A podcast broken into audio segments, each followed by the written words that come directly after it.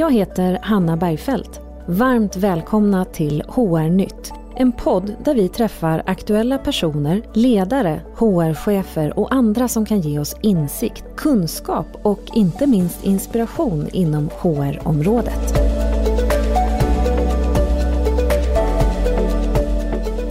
Elin Malmström är den före detta HR-chefen som först tog steget att bli HR-konsult till att därefter starta bolaget People Analytics.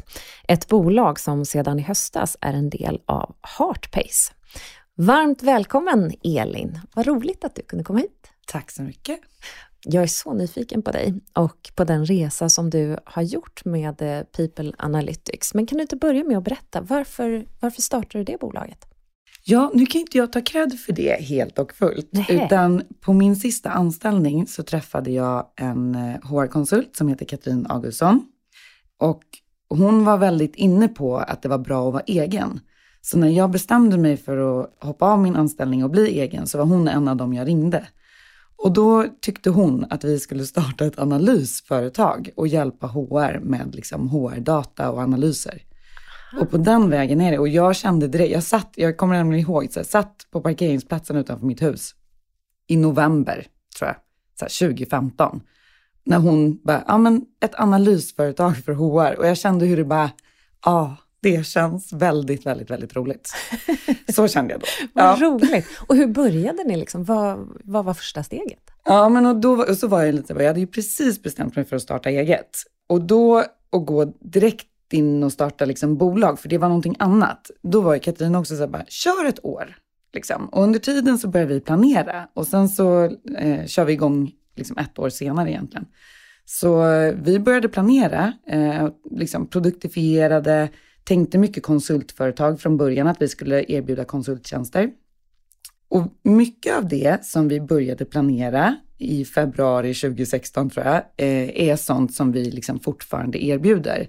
Men vi har ju gått ifrån att vara ett konsultföretag till att vara ett SaaS-bolag som liksom erbjuder en mjukvara. Så det är mycket som också har förändrats. Just Men, ehm, Och Mm. SaaS-bolag, det är ju det är ett sånt där populärt begrepp, men jag tror inte att alla vet vad det innebär. Vad, vad innebär Nej. SaaS? SaaS är ju då Software as a Service. Mm. Så det handlar egentligen bara om att man har en mjukvara, eh, oftast på abonnemang. Jag vet inte om det kanske måste vara på abonnemang till och med. Eh, som man då erbjuder kunder. Just det. Så ett, ett systemstöd helt enkelt. Wow, vilken resa ni har gjort. Det är helt fantastiskt. Och nu är ni en del av Heartpace. Och nu är vi en del av Heartpace som eh, är ett eh, HR-system som erbjuder eh, mer så stöd för eh, liksom hela medarbetarresan egentligen med masterdata och performance management, lönerevision och så vidare. Och de såg att vi passade in i deras liksom pussel på ett bra sätt. Att det här med people analytics och att analysera data eh, kommer mer och mer, och mer ju, blir starkare och starkare efterfrågat hos kunderna. Så därav den här eh, mergen. Ja, spännande. Mm. Men du säger att det blir mer och mer efterfrågat och det var ju någonting som gjorde när du satt där i, i bilen i, vad var det, i november eller februari? Det var, här, det var en dyster månad i alla Det var- fall. ja. eh, vad var det för behov som ni hade sett eller som ni kanske fortfarande ser? Ja, men jag brukar, alltså så här, jag eh, är ekonom i grunden och hade turen att få jobba på Trygg-Hansas HR-avdelning medan jag pluggade på universitetet. Och då fick jag bland annat göra deras HR-bokslut. Och jag tyckte att det var det bästa uppdraget jag kunde få. Och började ju liksom, sprang ut och köpte lite böcker kring personalekonomi och satte mig och räknade på långtidssjukfrånvaro och massa sådana saker. Och på den HR-avdelningen så var ju alla så här, nästan euforiska över att någon kunde Excel, tyckte att det var roligt att räkna och så vidare. Så att jag har nog hela tiden känt, och sen så har jag jobbat väldigt mycket med så här compensation och benefits eh, länge. Eh, så har räknat mycket och liksom an, jobbat mycket mer med de hårda delarna av HR än de mjuka delarna av HR. Eh, och alltid känt att det är min grej. Och alltid känt att det där saknas på HR. Det gör det verkligen. Alldeles eh, för få, in- inklusive mig själv, som faktiskt går igång på de delarna som du verkar göra. Jag blir lite avundsjuk känner jag. jag, skulle, jag skulle nog eh, behöva en släng av det där lite mer. Mm, Men det saknades. Ja, men det saknades. Ehm, och vi har också tittat väldigt mycket på marknad som har gjort sin resa med, med liksom market analytics väldigt mycket. Eh, och hur man kan använda kunddata för att analysera och ta bättre beslut och liksom applicerat det väldigt mycket på HR.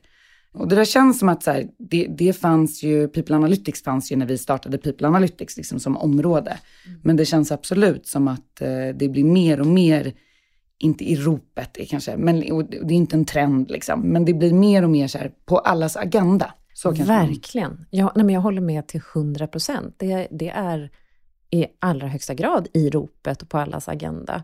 Men vad, vad tänker du kring bolag som du möter idag? I vilken utsträckning jobbar man med HR-data eller people-data eller människodata? Precis.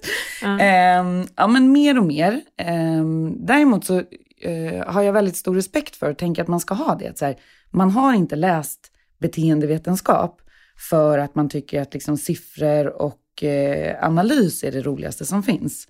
Så jag, ty jag tycker att ibland ställs det nästan för höga krav på HR att de ska leverera på just People Analytics. Däremot som HR så behöver man förstå att man behöver kanske ta in hjälp eller samarbeta med andra funktioner inom sitt bolag eller organisation.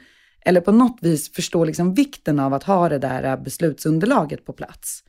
Ehm, men så jag tycker att HR är, de försöker Eh, och många liksom tittar ju ändå på de här vanligaste nyckeltalen och sådär. Sen kanske man inte gör det på det mest värdeskapande sättet hela tiden. För att det där, det är inte en, en, ligger kanske inte alltid och heller i ens natur. Nej. Och det, och det där, det är så mycket i det du säger som är så intressant. Dels eh, hade vi en gäst i, i något av de tidigare avsnitten som pratade om det här med kompletta team och hur man kanske behöver se på en HR-avdelning till exempel, att tillsätta någon som är duktig inom eh, ja, men, siffror, siffror eller ekonomi eller HR-data, kalla det vad du vill, men den typen av analys och, som man kanske behöver. Men också den här digitala resan som också är på HR-agendan relativt mycket. Det, det är en annan typ av kompetens som man kanske inte alltid har naturligt. Så kompletta team, om man har möjlighet till det, tycker jag är superintressant. Men den andra delen som du sa, det var det här med att eh, man tar fram vissa nyckeltal. Vilka är de vanligaste nyckeltalen som, som du ser att man lyfter upp och vilka tror du att man kanske skulle behöva lyfta mer? Ja, nu kommer jag med ett ganska tråkigt svar. Okay. Eh, för det som ändå kostar mest eh, och där jag också tror att man faktiskt kan liksom förändra och förbättra, det är de här vanliga som vi har mött eh, hur länge som helst med personalomsättning och sjukfrånvaro, frisknärvaro för all del, intern rörlighet. Eh, jag tror att det, alltså så här, grotta ner sig i den typen av nyckeltal tror jag kan lyfta HR, eh, HR och HRs arbete väldigt mycket. Mm. Eh, sen finns det ju, alltså jag kan bara säga, googlar man på liksom HR-KPIer så kan man ju ladda ner listor med hundratals kopior. Så lite beroende på var man är som, som organisation och vad man står inför för utmaningar och så, här, så finns det ju olika kopior att mäta. Men personalomsättning är en stor kostnad för vilket företag som helst. Eh, och likaså sjuk, sjukfrånvaro. Eh, Eh, intern rörlighet tycker jag att man kan jobba mer med och så vidare. Så att de, de där nyckeltalen bör man ha riktigt bra koll på tycker jag. Mm. Och om man skulle sitta som en HR-chef nu då och tänka att okej, okay, men jag börjar kika på eh, personalomsättningen till exempel. Hur, hur ska man göra för att veta är det här bra eller dåligt? Går det ens att eh, ha koll på eller får man vänta ett år för att se vad hade vi förra året? hur börjar man? Ja, men det där är en väldigt bra fråga. Mm. dels så finns det ju inte en enda vedertagen definition för personalomsättning och det ställer till det lite. Så att SCB, ja men där kan man gå in och läsa lite siffror och, och statistik, men då vet man inte riktigt att vad, man, vad man jämför sig och hur man jämför sig och sådär. Eh, så jag skulle, alltså mitt bästa tips är ju, många HR sitter i olika nätverk och faktiskt kanske så komma överens om att så här, nu mäter vi personalomsättning på det här sättet och jämföra sig eh, på, på det sättet. För det finns inte så där jättebra just benchmark. Och det tycker jag är så himla märkligt. Eh, var, varför är det så? Vad, vad, skulle du säga? Hur ska man mäta personalomsättning? Om du får möjlighet nu att liksom bestämma det? Hur skulle du säga ja, jag, jag, tycker att man ska göra det på enklast möjliga sätt. Det vill säga så här, titta på antalet som har slutat under en viss period och dela det med antalet anställda under samma period. Mm. Jag gör det inte mer svårt än så och jag tycker också att det visar tydligast på rulliansen, vad kan man kalla det, omsättningen, Omsättningen. helt enkelt. Mm. Ehm, så vi gör det inte svårare än så. Jag ska också bara nämna då att så här, jobbar man med oss så får man ju benchmark från vår databas. De som är era kunder då? eller? De som är våra kunder, precis. Så det är väl ändå, Någonting. börjar ju nämna. Ja, Kom, men ja. precis. Ja. Och jag tänker att det är så olika beroende på bransch och så. Jag som nyligen har jobbat inom retail till exempel, så, så är det ju relativt hög personalomsättning. Men, men eh, man kanske kan bryta ut det då, tänker jag, på olika personalkategorier för att se eh, skillnaden där och, och kanske ha olika nivåer som är normalt så att man inte drar hela bolaget över en och samma kam. Eller? Absolut. Mm. Och det där blir, precis just det där med personalkategorier blir lite viktigt. Mm. Ehm, vi kan ju se i då stora databas till exempel att så här, personalomsättningen bland kvinnor är högre än personalomsättningen bland män. Ganska tydligt. Mm. Ehm, personalomsättningen bland yngre är ju högre än personalomsättningen bland äldre. Så det finns ju lite sådana saker att titta på också Mhm. eh, som kan vara spännande. Vad intressant. Vad, vad beror det på? Ja, men du, jag vet inte riktigt Nej. vad det beror på. Just och det där med, med kvinnor och män Ja. hade jag kanske inte för några år sedan nödvändigtvis trott att det var så. Nej, det Men trodde inte det, jag heller. Det är ganska tydligt. Är Mm. det? Mhm. Ja, det skulle man ju vilja veta vad det beror på. Ja, men yngre kan man ju förstå att det är en, en liksom ökad rörlighet när man är lite mer sökande i livet. Men män och kvinnor, det trodde jag faktiskt inte. Nej, jag vill, jag vill Ja. tänka att det är för att kvinnor är lite mer såhär, bara, nej men det här blev inte riktigt bra. Och att man är lite mer så här benägen att liksom, och kanske i olika, ja men jag, jag vågar inte riktigt. ehm, Jag tycker du ska sticka ut hakan här nu Elin. Jag ser på dig att du har något annat som du vill säga. Kvinnor tar tag i det då, ja, ändrar sin det- situation. Jag, ja, tror du inte det? Jo men säkert. Ja. Jo men jag vill tro det, absolut. Eh, det, det tror jag man kan applicera på äktenskap och Det, var annat. det, det är så jag tänker Ja. faktiskt. Att, så här, ja, men, att män kanske liksom, ja, men de är kvar tills de hittar någon annan. Det är väl ganska klassiskt. Medan Ja. kvinnor kanske faktiskt lämnar. Ja, Ja. så kanske det är. Ja, inte för alla får vi ju vara liksom Vi diplomatiska. generaliserar Vi gener- grovt. Ja. Men ibland är det lättare att generalisera lite grovt eh, och så menar man inte alltid 100% allt på allvar. Men ja, väldigt, väldigt intressant. Eh, och jag har tänkt en del på det här med att eh, ibland när man kommer som HR i en ledningsgrupp eller annat så kan man ju sakna att man inte har de där hårda talen med sig. Eh, och det kanske är därför som det lyfts mer på agendan och det är ju mer relevant nu än, än tidigare upplever i alla fall jag. Men så ni- ibland så kan jag också tänka att det blir lite ängsligt att man ska liksom lyfta upp precis varenda siffra som går att göra mätbart inom HR. Finns det risk, tror du, att man, att man missar liksom det riktiga målet för att man väljer att jobba med det som går att göra mätbart? Förstår du min Mm. eh, krångliga Du, och det var mycket, utläggning? Ja, och det var mycket i det du sa Ja. nu som jag tycker är väldigt spännande. Eh, så vi får komma tillbaka till lite olika Ja. delar. Dels så pratar vi väldigt mycket om att, här, att mäta, eh, det finns inget värde i det egentligen. Däremot att hitta liksom insikter ur det man mäter. Och om man tänker, om vi tar personalomsättning som ett exempel, så är det så bara, ja men personalomsättningen är 12,8 procent. Det, där är många liksom. Ja, och så tänker man sig bara, men det finns ingen insikt i det. Vad, vad, vad kostar det? Vad, vad betyder det? Är det bättre eller sämre än förra året? Eller vad, hur man nu, bättre eller sämre än benchmark? Eh, så. Och då blir det viktigt att man bryter ner sitt nyckeltal, personalomsättningen, och just tittar på att så här, ja men hur ser det ut mellan kvinnor och män? Ser vi skillnader där? Kan vi se olika ålders? Kan, kan vi se att ja, men de flesta jobbar här i ungefär två och ett halvt år och sen säger man upp sig i lite högre utsträckning. Förstår att man, att man verkligen så här vänder och vrider på det där väldigt mycket. För kan man komma till sin ledningsgrupp och säga så här istället att ja, men vi kan se att det är just kvinnor i åldern 30 till 35. När de har jobbat här i två år, då, då förlorar vi liksom nästan 25 procent av dem. Då blir det liksom starkt på ett annat sätt. Så det här med att liksom prata sjukfrånvaro i procent eller personalomsättning i procent eller vad det nu kan vara. Det tycker jag, då har man liksom inte gått hela vägen. Man, man, eh, och jag har full förståelse för att man är ganska nöjd över att ha fått fram den där siffran, för vissa sliter ganska mycket med det. Men det räcker inte. Vi måste liksom plocka russinen ur kakan och presentera russinen. Eh, det är super, superviktigt. Kanske det viktigaste av allt. Mm. Att göra själva analysen då utifrån vad det innebär, det blir ju det som blir det viktiga. Men jag tror precis som du säger, att man är liksom lite man, man, man sänker skulderna, jag räknade ut den där personalomsättningen i alla fall och så ser man kanske möjligtvis en trend mot förra året men, men inte så jättemycket mer än så.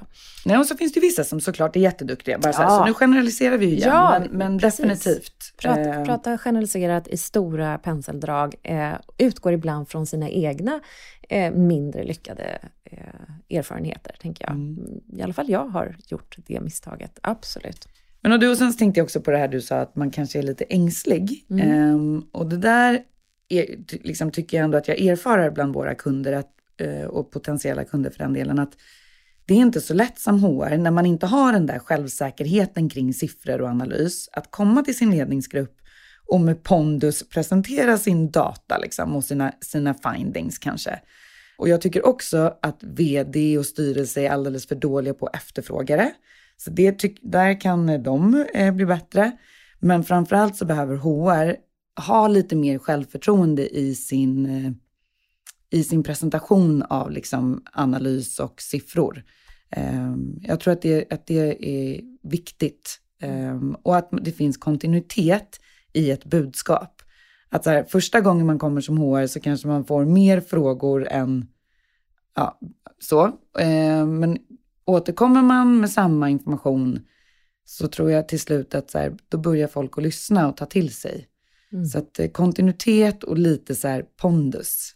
Pondus, och det är ju så mycket lättare sagt än, än gjort, måste jag ju säga. Men, men och jag, jag tänker lite så att pondus och självförtroende går ju inte riktigt att skaffa om man inte känner att man har det.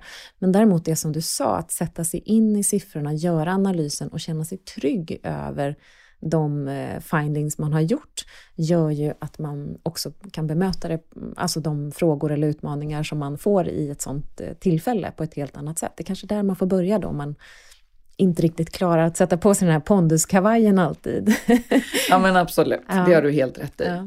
Men och sen, jag tror att det är lite klassiskt det här med att så här, bara, ni vet, finance räknar på ett sätt vad gäller kanske FTE till exempel och HR har en annan definition. Och så sitter man på ledningsgruppsmötet och så ska man liksom presentera de här siffrorna. Och så vänder sig hela ledningsgruppen till finance och bara, nej vad är den riktiga siffran? Och redan där, förstår du, det, det blir liksom ingen bra, oh.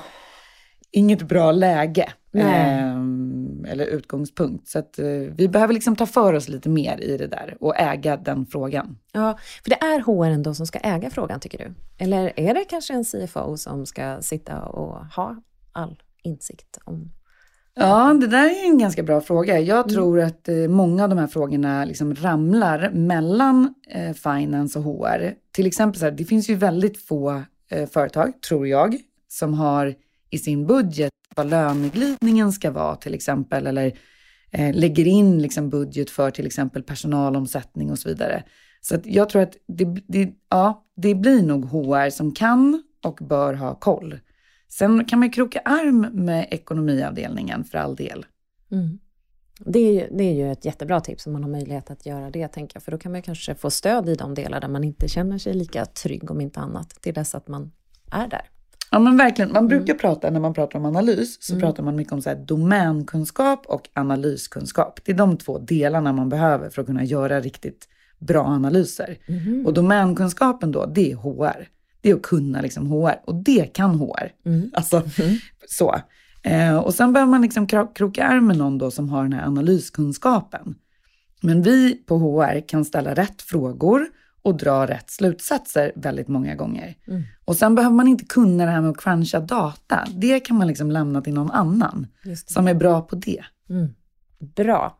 Bra tips. Eh, att eh, ta lite hjälp med de delar som man inte är lika stark på eh, och ändå sätta sig in i de siffror som man väljer att ta fram för att känna sig trygg när man går in och presenterar det för ledningsgrupp eller styrelse eller vilket sammanhang det nu än kan vara. Verkligen. Ja. Och jag tänkte på det här som, som du sa också, att kvinnor kanske lämnar i högre utsträckning, eller du tog som ett exempel, snarare det exemplet som jag hakade fast lite att kvinnor som har jobbat hos oss i två och ett halvt år i åldern 20 till 30, de tenderar att sluta till exempel. Eh, kan, kan man då på något vis se någon typ av eh, korskoppling eller en crossanalys. Det heter säkert något mycket snyggare som inte kommer upp till mitt huvud just nu. Eh, till exempel de findings vi har i medarbetarundersökningen.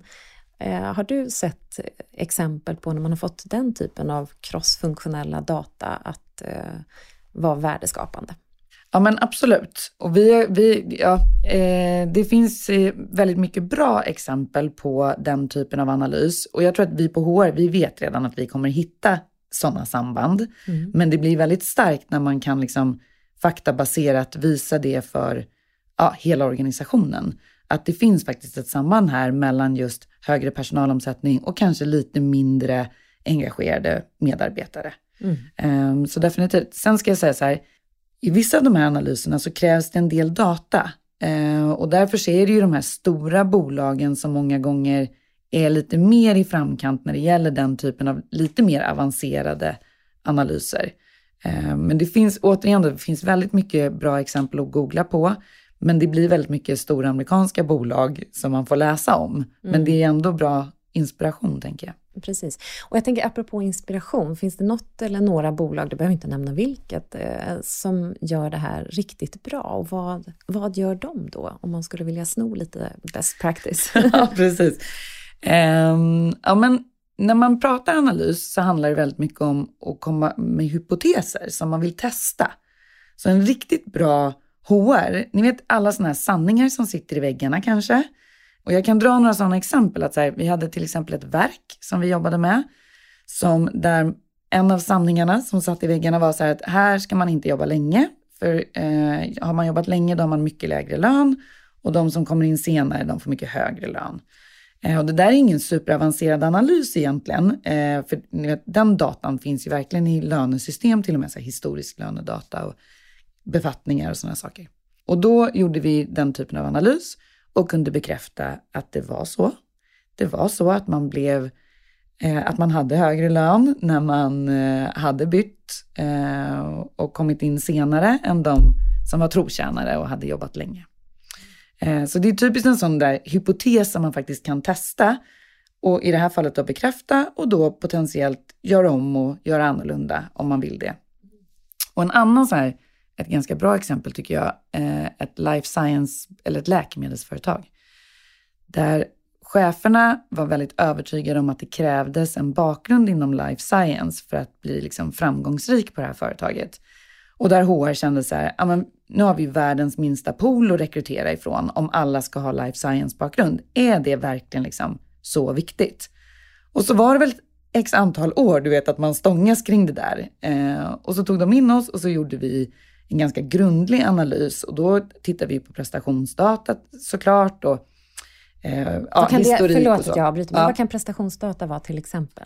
Det är ju många gånger en, liksom, en eh, prestationsrating som man, alltså de företagen som jobbar med prestation strukturerat och systematiskt, där man faktiskt har den typen av data i något slags system. Mm. Ja, det, mm. Ja. Mm. Förlåt att jag avbröt, fortsätt. Prestationsdata. Det är bra. Ja. Eh, och då kunde vi ju istället då dementera att så här, det fanns ingen, inget samband mellan att man, var, att man var mer framgångsrik för att man just hade den där life science-bakgrunden. Utan man var minst lika framgångsrik när man hade någon annan typ av bakgrund. Eh, vilket gjorde ju HR, jag tror att HR var jättesäkra på att det skulle vara utfallet. Eh, det blev utfallet och de kunde liksom börja rekrytera från en mycket större bas. Wow, de måste vara så glada att få hjälp att få den analysen då. Ja, men och där gäller det ju bara att man tänker den tanken att så här, kan vi på något sätt faktiskt testa det här med hjälp av data? Mm. För det, det, är inte så svårt tror jag när man väl... Sen, sen krävs det data. Det går inte att sticka under stol med liksom. Uh, och det krävs lite så strukturerad data. Men många gånger på HR så har vi ganska strukturerad data. Mm. Um, jag, jag, tänker på det som du tog upp här och nämnde som stora liksom, områden med eh, personalomsättning, du nämnde sjukfrånvaro och nu var du lite inne på det här med löner och löneglidningar och sånt där. Det är ju data som, som alla på HR har tillgång till. Och utifrån vad jag förstår så de exempel som du tog upp, möjligtvis med undantag för den där prestationsdatan som alla kanske inte har, så kan man göra ganska mycket analyser utifrån att börja med en hypotes då. Det kan man verkligen. Alltså, och det är också ett jätteviktigt medskick. Ja. Och det finns otroligt mycket roliga analyser, eller roliga, jag tycker att det är roligt, men, men nyttiga då, analyser att göra, speciellt kopplat till lön. Ja. Tänker jag, i och med att det är också en sån här otroligt stor kostnad för alla företag. Så då gäller det ju att vi har lite koll på eh, våra outliers, vår lönespridning, vår lönestruktur. Ehm, och det är inte nödvändigtvis så att man hittar saker som man eh, vill göra om. Men det kan vara så. Men annars är det också en så här check in the box att vi har koll. Eh, och det där är ju, det finns ingen annan som har det, utan det är, landar nog på HR. Ja, men det gör och, och jag tycker ibland att man hör eh, att man gör den där årliga lönekartläggningen för att man måste. Mm. Och ibland så har man inte ens gjort den. Men eh, utifrån hur du beskriver det nu så, så kan man ju dra ganska intressanta analyser utifrån den då. Om man nu säger lönekartläggning eller om man tittar på det på något annat sätt. Det kanske inte måste vara just kring eh, skillnader mellan kön som du tänker på nu, utan du nämnde ju andra aspekter. Men vad är det, vad är det man skulle kunna kika på när det gäller de där lönekartläggningarna, tror du? Ja, men när man ändå tankar upp för nu, Mm. nu tänk, eller så här, vi har ju även ett verktyg för lönekartläggning, Mm. nämner jag då. Mm. Och det finns ju verktyg för just lönekartläggning på marknaden i och med att det är ett lagkrav i Sverige och så där. Och när man då ändå tankar upp den där medarbetardatan så, så bör man ju kunna använda det där verktyget även till att göra andra typer av analyser. För det är precis det du är ute efter, att så här, den där datan finns i lönesystem, alternativt HR-system då, och de här variablerna vi jobbar med på HR som kön och ålder och anställningstid och befattning och kanske så placeringsort och affärsområde. Det är ju sånt som vi vill använda i alla typer av analyser. Mm. Ehm, Men något sånt som jag kan tycka då att man eh, bör kanske jobba med, det är det här med sin lönestruktur. Lönekartläggningen kräver ju att man har såna här likvärdighetsgrupper. Nu blir det väldigt så här, Men det här är Detaljerat. Jätte, ja, men det är jättenyttigt Elin, för jag Det tror får- inte att alla är, är, är lika insatta i det som, som du är. Nej. Eh, ja, men då fortsätter vi. Mm. Eh, lönekartläggningen kräver likvärdighetsgrupper och då kan man tänka att det är typ som någon slags broadbanding, att man har olika nivåer. Eh, att man liksom grupperar olika roller inom ett företag på olika nivåer och bygger en intern hierarki.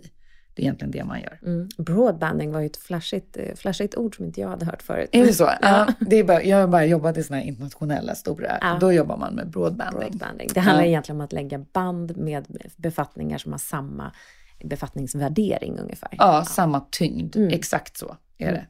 Ansvar, befogenheter med andra ord. Ja. Absolut. Ja. Så enkelt är det egentligen. Mm. Och där be- behöver man ju också titta på då så här, ja, vad, vad betalar vi våra eh, befattningar i grupp 1? Eh, vad betalar vi våra befattningar i grupp 2? Har vi större lönespridning i någon grupp? Vad beror det på? Eh, hur ser det ut när vi tittar på kön till exempel? Det vi kan se i vår stora databas är att man tenderar att dra ut mer på mäns löner, så mer mansdominerade grupper har ofta större lönespridning medan man håller ihop kvinnornas löner mer. Och det är sådana saker, jag har inget svar på var, vi kan spekulera såklart, men jag tror att det handlar väldigt mycket om att synliggöra de här mönstren för cheferna som sätter lön. Jag tror inte att det är någon som nödvändigtvis vill att det ska se ut så, utan det handlar ju om att, så här, att ja, synliggöra de här mönstren som vi kanske är helt omedvetna om eh, till de som sätter lön och är med i lönerevisionen och fördelar den här potten. Eh, det tror jag man kommer ganska långt på.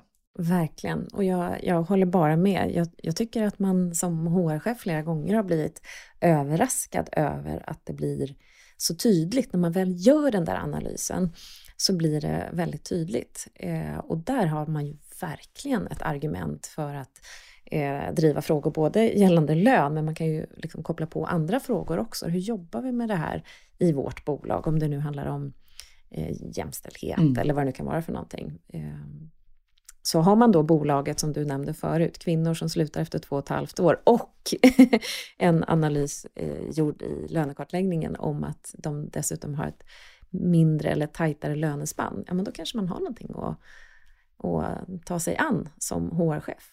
Ja, men jag ser att du tycker att det här är lite roligt i Jag alla tycker fall. ju att det är jätteroligt. Jag måste ju bara ställa frågorna så att det blir roligt för alla. Jag tycker att det är superkul, Elin. Det kanske inte, det kanske inte lät så inledningsvis, men det, det gör jag faktiskt.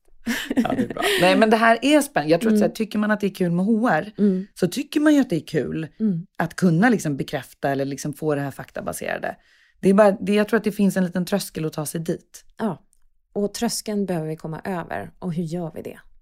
Ja, men och då eh, tycker man att det är lite kul att räkna, så för all del. Men det vi brukar prata ganska mycket om också är så här, HR är ju så här, tusen konstnärer eh, och har ju en väldigt så här, bred palett som man ska täcka in. Eh, och många gånger så är det ju andras agendor som styr också. Det är mycket, så brand, det är mycket som, som dyker upp. Att vara analytiker, det handlar ju snarare om eftertänksamhet, låsa in sig, grotta ner sig, testa, testa igen. Det krockar lite i min värld. Mm. Eh, och därför så tror jag att så här, ja, sitt på domänkunskapen, men var inte nödvändigtvis den som sitter och liksom kämpar med Excel. Eh, utan då kan man ta hjälp och det finns både extern hjälp att få såklart, men det finns också kanske intern hjälp att få om man bara frågar. Ehm, jag tycker inte, det, det, känns inte som att vi på HR ska vara de som är liksom analytikerna nödvändigtvis. Sen har man möjlighet, som du sa, det där med liksom titta på sin organisation. Har man en lite större HR-organisation så kanske man inte ska anställa ytterligare en HR business partner, utan man kanske faktiskt ska anställa en analytiker. Men då är det någonting annat. Jag tänker snarare på den här HR-chefen eller HR-journalisten som, som inte har det där stora stödet. Um, att jag skulle mer tipsa om att ta, ta, ta hjälp. Mm. Och det låter som ganska väl investerad eh, tid eller pengar eh, beroende på var man tar hjälpen ifrån. Men jag tänker också att är man en liten eh, organisation med kanske bara en eller ett par på HR så är det ju nästan ännu viktigare att man väljer att jobba med rätt saker då. Eh, så att det inte bara blir att släcka, släcka bränder som jag ibland kan uppleva att, att man gör på HR. Man, man får hela tiden lägga sin, eh, sin plan eller agenda åt sidan därför att någonting uppstår. Och det är ju det det gör hela tiden när vi jobbar med människor. Liksom. Du, jag tycker det där är så himla rätt. Eh, och jag, jag tror ju att det här med people analytics eller HR-analys och så här, det är det som kommer att göra att HR kan bli mer proaktiva. Och det där tycker jag att vi har pratat om länge, att, att vi behöver bli det som funktion. Men det är klart att så här, kan vi vara de som vet hur det ligger till, vi sitter på de här på, på faktan, eh, då är det mycket lättare för oss att liksom, eh, ja, ta, ta den proaktiva rollen. Så jag håller helt med. Jag, det är värt att lägga den där tiden. Mm. Och apropå att vara proaktiv och, och kontra reaktiv och släcka bränder sådär. Eh, hur, kan man, hur kan man göra då för att kanske framtidsspana utifrån eh, people-data eller HR-data? Kan man göra prediktiva analyser eller vad är det som ligger på agendan framåt? Vad roligt att du frågar. Ja. Var det men, någonting som var aktuellt för dig? Ja, men prediktiv eh, analys är kanske den, den, mest spännande formen av analys. Så om man tänker att eh, det här med nyckeltalsrapportering handlar mer om att liksom konstatera vad som har hänt, så är ju prediktiv analys, men då tittar vi på historisk data och så försöker vi förutspå framtiden. Um, och det kan man verkligen göra även med HR-data. Uh, och där uh, tror jag, jag, väldigt få bolag är där idag, ska jag säga. Mm. Um, men jag tror absolut att det kommer mer och mer. Och det skulle till exempel kunna vara en sån typ av analys som du nämnde tidigare, där man tittar då på till exempel medarbetardata, kanske lite sån pulsdata, eh, och crosskör den tillsammans med lite personalomsättning och lite annan typ av medarbetardata, just för att förutspå vilka som ligger i riskzonen för att kanske bli sjukskrivna eller säga upp sig eller vad det nu kan vara. Mm. Eh, och det där är klart att det är då kan man verkligen bli proaktiv. Ja, men precis. Och det tänker jag, det, det vore verkligen spännande om man fick liksom någon typ av systematik i det där så att man, man kan se att okej, okay, nu har vi fått ett utfall här på medarbetarundersökningen i, i mars. Det, då tror vi att vi kommer tappa en del personal i augusti eller vad det nu kan vara för någonting. Ja. Eh, nu hittar jag ju bara på, men, men det skulle ju kunna hjälpa till också att sätta insatser på rätt ställe Eh, men också att, att hjälpa bolaget i att okej, okay, vi behöver vara lite rustade för det som kommer komma hända här nu. Eh, tänker jag. Ja. Verkligen. Och jag, man, jag ska också bara säga att de där analyserna görs väldigt framgångsrikt. Man kan se att liksom, man har en, en accuracy på liksom 80-90 procent. Att så här, ja men eh, liksom, datan sa det här och det var det som också hände. Eh, så det, det, är inte liksom hokus pokus, utan det är verkligen så här, där, ja, man kan verkligen använda data på det sättet för att liksom förutspå vad som potentiellt då kommer att ske.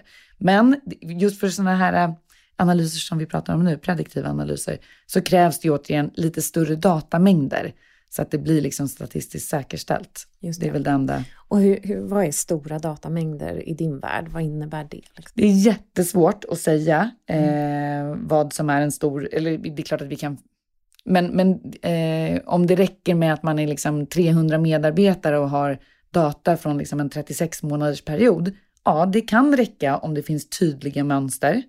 Men det kan också vara så att det blir liksom att, att det inte blir något resultat. Så att, eh, jag skulle säga så här, är man ett par 3000 ja, men, och lite större, ja det är klart att då är det större chans att man ser de här mönstren. Mm. Och det är många bolag som är i den storleken, tänker jag. De kanske, de kanske redan jobbar med det här. Vad är din uppfattning? Jag tänker att väldigt få bolag eh, jobbar med det här i Sverige idag. Mm. Men jag tror, jag tror att det är jag tror att det finns där i, i tanken om inte annat. Um, och jag tror att man är på G. Men uh, ja, ja, i USA och England ser man mycket längre fram. Är man? Mm. Vad beror det på? Men jag tror att de är det generellt. uh, med, med, den här typen av eh, HR så ja. tänker jag att de är i framkant. Jag ja. vet inte varför. Nej. Okej, okay. eh, finns det något där bästa tips som du har mött av de bolag som du har liksom kommit i kontakt med? Några som jobbar på ett annorlunda sätt eller spännande eh, eller nytänkande? Någonting som, som du kan sprida så till fler? Du, det vet jag egentligen inte. Jag mm. tror att eh, vi har kunder som vi har jobbat med länge nu där eh, ni vet, så här, om, om man som HR månad in och månad ut väljer ut sina insikter eh, och faktiskt ser till att göra skillnad. Eh, jag har ett exempel med en kund som upptäckte att det var en viss grupp av medarbetare hos dem Ehm, som eh, hade eh, många gånger precis blivit av med sin provanställning och blivit tillsvidareanställda och som var ganska unga. Eh, de började korttidssjukskriva sig i ganska stor utsträckning. Och då satt, satt ju hon det var en hon, eh, igång lite, akt, ja, eh, satte igång ett, inte ett program, men vad heter det, Ak, ja, aktiviteter för att liksom hejda det där. Och gjorde det väldigt framgångsrikt.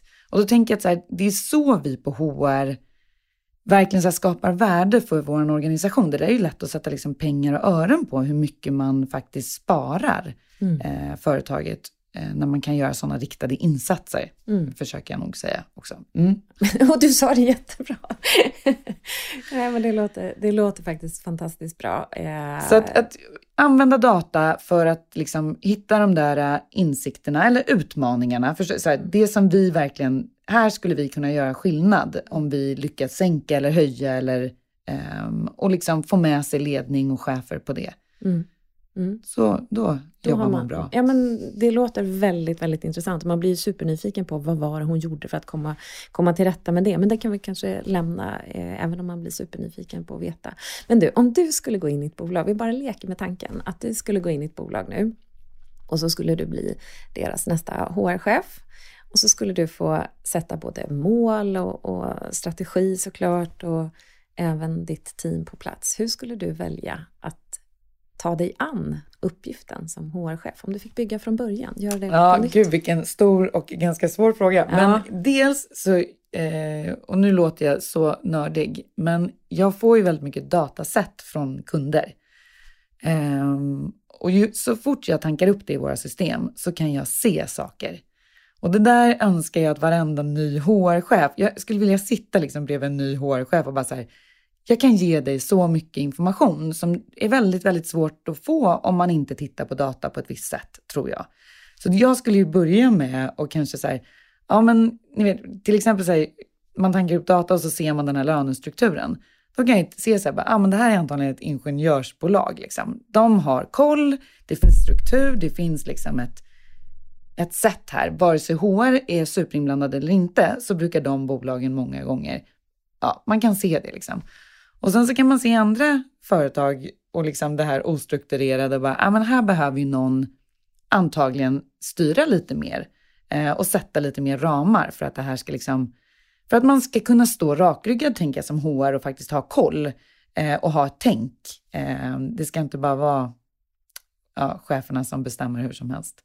Men så, att få koll på strukturer tror jag gör att man väldigt enkelt kan se vad man behöver göra i sin nya roll. Eh, och sen så skulle jag definitivt se till att ha eh, tillgång till en data scientist. Det är liksom drömmen för en HR skulle jag säga, att man har en, en riktig statistiker med de verktygen och så vidare. Eh, för att själva analysen av data, och det här är bara så här, jag vill bara nämna det så här, att, ta, att ställa rätt frågor och ta fram rätt data, det tar lite tid, tror jag, oavsett liksom. Men att göra själva analysen när man jobbar med rätt programvaror och har rätt kompetens för det, det, är, alltså det går otroligt fort. Um, så det är inte där liksom skon klämmer, utan det är, det är mycket det här runt omkring. Och sen att faktiskt kommunicera eh, insikterna som man får fram såklart och få med sig folk på tåg. Det, det är där förändringen börjar. Men själva analysen, det ska bara vara någon som kan det där. Då mm. är det ganska enkelt. Mm låter så enkelt och så, så skönt. Jag önskar att jag hade haft en, en data scientist vid min sida tidigare i, mm. min, i min karriär. Och så tycker jag det är så roligt också när du beskriver olika bolag. Som, som HR-konsult nu så möter man ju olika bolag och det är ju faktiskt eh, ganska spot on som du säger att, att eh, vissa jag har, har en kund som är ingenjörsdriven och det är också eh, nu kategoriserar vi dem lite hårt här idag, men, ja. men ur en positiv eh, synvinkel så är de ju superduktiga på det. väldigt fin struktur på allting. De har ordning och reda i sitt bolag och de ja. är jätteduktiga på så mycket, så många saker. Mm. Men du, sådär avslutningsvis så brukar jag alltid ställa frågan kring det här med misstag. Jag tror ju att, eh, att man lär sig så mycket av att dela med sig av situationer som inte har blivit rätt eller eh, tillfällen då man önskar att man hade gjort någonting annorlunda. Finns det någonting som du kan se tillbaka på och känna att nej, det här, borde, det här blev inte så bra, jag borde ha gjort på ett annat sätt, eller vad det nu kan vara. Finns det något misstag som du kan dela med dig av? Eh, ja, jag tänker spontant på att eh, jag jobbade som compensation benefit specialist väldigt, väldigt länge. Och sen så fick jag möjligheten att bli HR-chef eh, på min sista anställning. Eh, och hoppade på det och upptäckte väl väldigt fort att jag hade haft det ganska bra som specialist. Att vara HR-journalist och, och, som, eller som HR-chef då och vara liksom väldigt bred i eh, vad man ska göra eh, passade inte mig riktigt. Eh, det var väldigt mycket så här chefernas agendor som styrde och jag fick väldigt lite gjort själv. Eh, och jag tror att jag har stor, liksom, det är min drivkraft, att jag har min agenda och, och liksom vill ja, uppnå olika saker. Och det där tyckte jag var otroligt svårt. Eh, jag har stor respekt för alla HR-chefer verkligen. Inte en lätt roll att axla, tycker jag. Uh, utifrån massa olika aspekter. Men uh, så att jag blev inte sådär jättelångvarig faktiskt.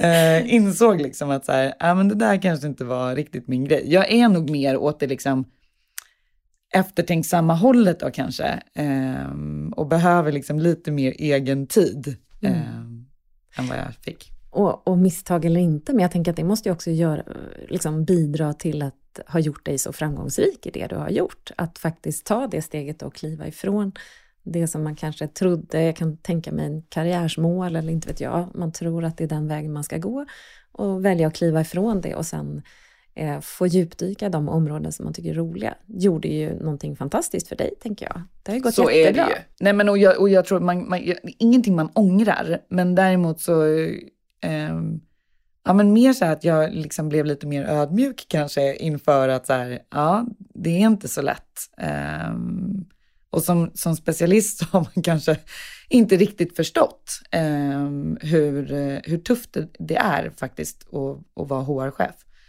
Mm.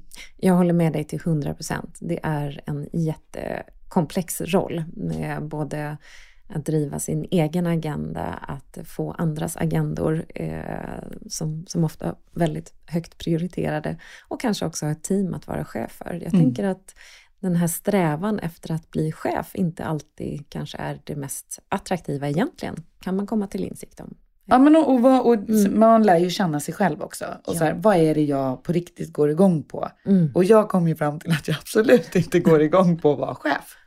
Um, jag gillar ju siffror. Men chefer ska jobba med siffror, det har vi just konstaterat. Ja, just det, Men jag tycker att det är underbart att ändå få självinsikt och liksom titta tillbaka på vad, vad går jag igång på, vad drivs jag, motiveras av och vad, vad tycker jag faktiskt är roligt på jobbet? För man spenderar ju så mycket tid på jobbet. Så eh, det är väl härlig insikt, tänker jag, Elin. Och vad roligt att det har gått bra för dig. Men tack. tack snälla för att du kom hit och, och, bidrog och lärde oss massor om People Analytics. Det var jättespännande och jag känner att eh, jag tar med mig massa inspiration från dig. Tack snälla. Tack snälla för att jag fick komma.